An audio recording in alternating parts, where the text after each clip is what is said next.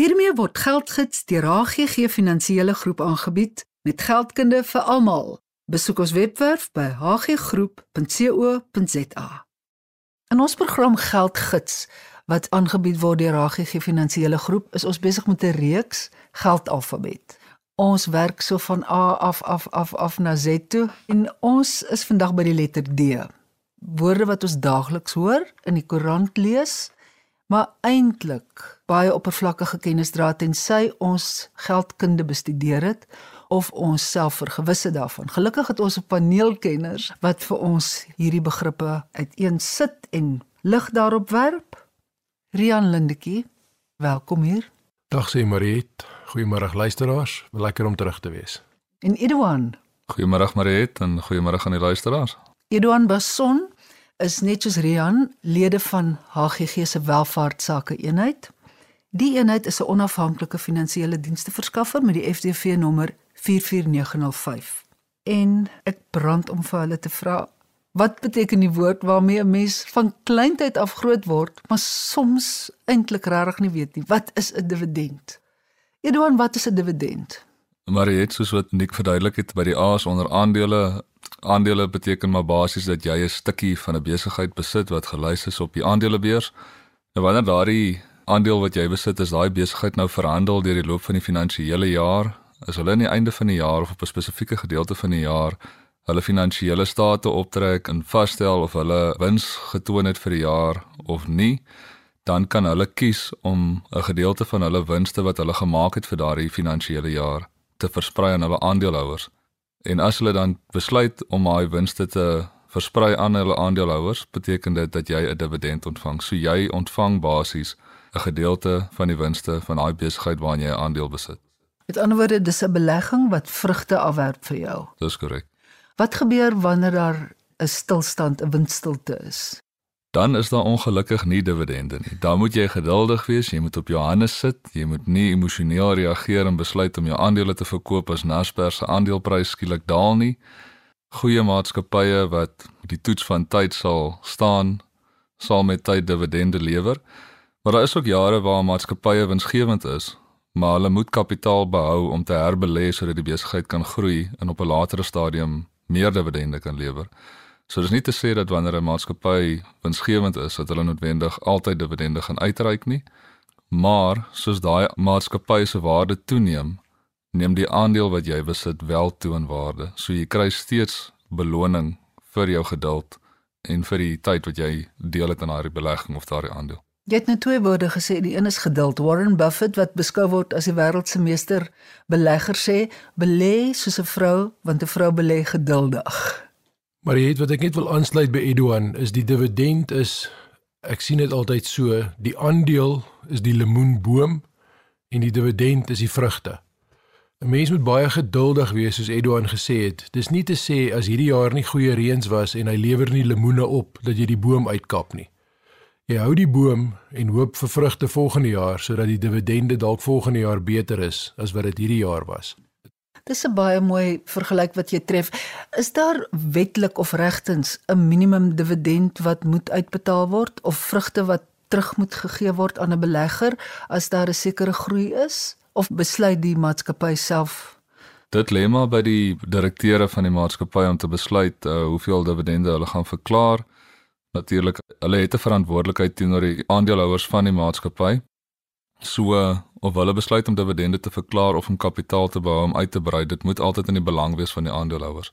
'n Dividend is altyd 'n insentief, maar jy het om 'n aandeel te koop, want ek weet ek gaan goeie vrugte kry. Solank ek die aandeel hou, het ek altyd die moontlikheid vir dividende. Maar soos Edouard reg gesê het, as daar nie wins in die maatskappy is nie en ons het dit nou gesien met die pandemie wat laas jaar gewoed het, was daar nie baie winste in maatskappye nie en hulle hou dan ook winste terug vir onvoorsiene omstandighede en moeilike jare wat dalk maar voorlê en dan verklaar hulle nie dividende nie. Maar dis nie vir die belegger dan 'n tydperk om onrustig te raak en die aandeel noodwendig te verkoop nie want daar gaan weer beter jare wees waar daar weer groot dividende sal wees. Rian wat van die begrip onder D in ons alfabet diversifisering ek soek in woordeboeke, ek kry nie 'n ander Afrikaanse woord daarvoor nie.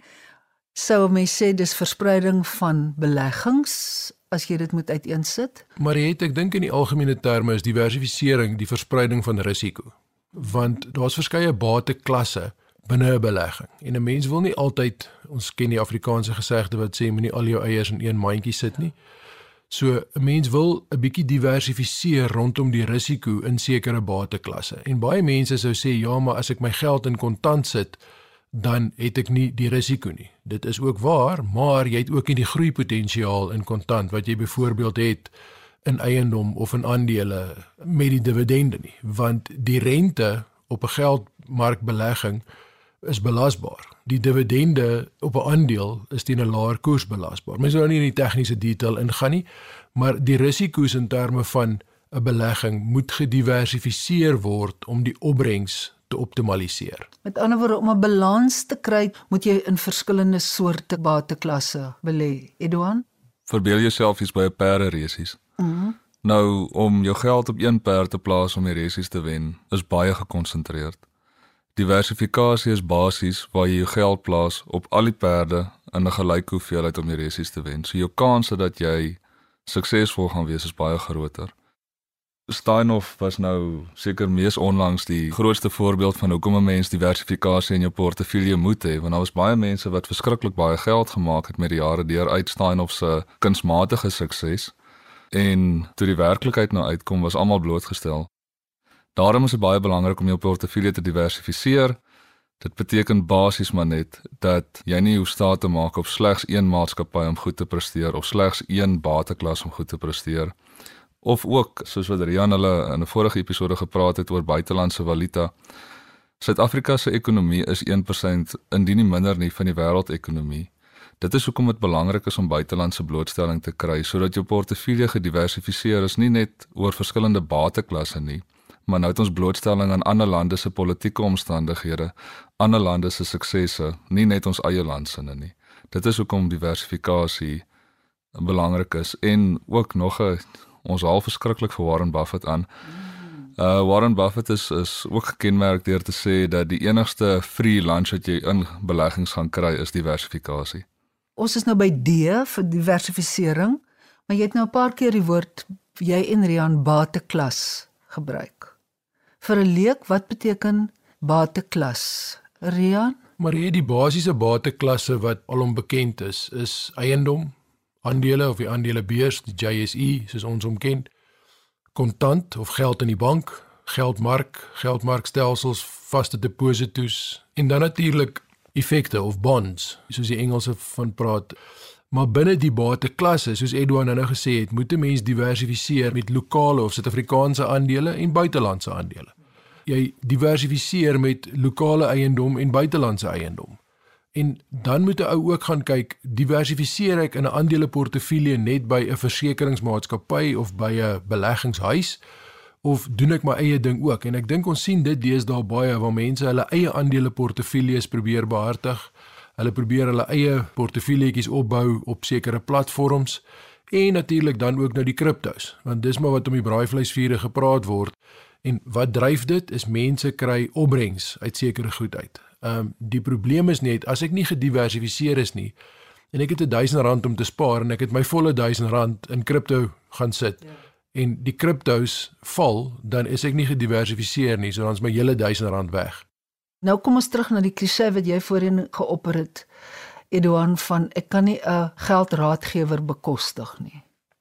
So in hierdie geval van diversifisering, ek dink dit 'n mens iemand knap nodig wat op die hoogte is van wat aan die gang is. Daar is al studies gedoen rondom die waarde wat 'n goeie finansiële adviseur kan toevoeg tot die opbrengste op 'n kliënt se portefeulje en hulle het gevind dat 'n goeie adviseur 'n gemiddelde jaarlikse opbrengste van minstens 3% kan toevoeg tot 'n kliënt se portefeulje net deur die kliënt te help om 'n goed gediversifiseerde portefeulje te hê as ook om die kliënt te keer om emosioneel gedrewe besluite te maak. Mm. So die vraag is nie of jy ene kan bekostig nie, die vraag is eintlik of jy kan bekostig om sonder ene te gaan.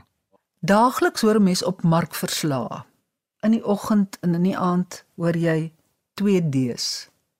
Dollar en Dow Jones. Rian, wat beteken dit? As markaanduiders. Maar jy die Dow Jones is net die Amerikaanse aandelebeurs. Dis een van die vooraanstaande grootste aandelebeurse in die wêreld. Daar's op by die aard van die saak 'n paar van hulle. Die Dow Jones is definitief die markleier rondom kundigheid, grootte, die top aandele in die wêreld, Apple, Amazon, Alphabet, Netflix, almal verhandel daar en hulle verhandel op daardie beurs. So die ehm um, smaak van die maand wat die mense altyd van hou is, maar daar beskikbaar. Die dollar is uit die aard van die saak uit die valuta waarin daardie aandelebeurs verhandel. En om terug te kom na die woordjie diversifiseer, ek dink as 'n mens kyk wat in ons buurland gebeur het, moet 'n mens nie net in rand wees nie. Dan moet 'n mens so hier en daar dalk 'n Amerikaanse dollar of soos hy algemeen bekend is, 'n greenback iewers in die sak hê of in die kluis hê of dalk in 'n rekeningkie. Al die elektroniese platforms by banke is deesdae maklik en eenvoudig om 'n buitelandse rekening oop te maak. En my aanbeveling sou verseker wees dat 'n mens kyk na 'n dollar rekening. En is nie noodwendig altyd nodig om te moet immigreer om dollars te hê nie. Dis vir beleggingsdoeleindes baie baie winsgewend. Rian en Edouan, wanneer ek byvoorbeeld hoor die Dow het gedaal, watter gevolge het dit vir ons in Suid-Afrika? As die dollar en die Dow daal of styg, hoe raak dit ons? So die dollar of die wisselkoers teenoor die rand is maar baie afhangend van die hoeveelheid besigheid wat tussen Suid-Afrika en Amerika plaasvind. So tans is platinum verskriklik gewild geweest. Daar's 'n groot behoefte wêreldwyd vir platinum as 'n voorbeeld. So daar word verskriklik baie platinum by Suid-Afrika aangekoop teen dollars. So ons het 'n groot oormaate of soos hulle in Engels sal sê 'n trade surplus van dollars op die oomblik in Suid-Afrika. Dit is hoekom die rand tans baie sterk is. Wat die Dow se aktiwiteite aangaan, dit is presies dieselfde as die Suid-Afrikaanse aandelebeurs. Afhangend van die ekonomiese omstandighede sal die waarde van ons maatskappye se aandele toeneem of afneem en net so ook op die Dow afhangend van die ekonomiese aktiwiteit in Amerika sal die oorheersende waarde van hulle maatskappye wat gelys is op die Dow Jones of in waarde toeneem en en sodoende sal die Dow se se waarde opwees vir daardie dag en net so ook as ekonomiese aktiwiteit afneem sal die waarde van daardie maatskappye afneem en die Dow Jones sal dan laer wees of sy waarde sal afneem. Amerika is een van die grootste ekonomieë in die wêreld, so ons lê aan die gevolge van hulle besluite wat daar by hulle gebeur gaan altyd 'n impak hê op ons en net so ook op die res van die wêreld. Om aan te sluit by Edouan, as 'n mens kyk byvoorbeeld in Suid-Afrika, as mens platinum uitvoer en jy verkoop dit aan Amerika en hulle betaal jou in dollars, wil jy graag betaal word teen R16 'n dollar in plaas van teen R12 'n dollar. So dis nie altyd 'n slegte ding dat die dollar sterker is as die rand nie dit hang net als af hoeveel produk voer ons uit en hoeveel voer ons in. So die ideaal is altyd dat jy meer verkoop as wat jy aankoop. Baie dankie Rian en Edouan. Volgende week praat ons dan oor die algemene begrippe wat ons daagliks hoor en lees onder E. Goeie week. Geldgids word geborg deur HGG Finansiële Groep. Kontak ons gerus by info@hggroep.co.za of 021 851 2778. Dit maak nie saak hoe oud jy is nie. Die HGG Finansiële Groep stap die pad saam met jou. As jy meer as die alledaagse verwag vir advies oor omvattende finansiële behoeftes, lewer ons diens wat jou pas. Ons bied innoverende en toekomsgerigte finansiële dienste met die klem op persoonlike kontak. Dis die verhouding tussen ons en jou wat tel. Kontak jou naaste kantoor vandag nog om uit te vind hoe jy die voordele van 'n HGG leefstyl kan geniet. HGG Welvaart is 'n gemagtigde finansiële dienste verskaffer.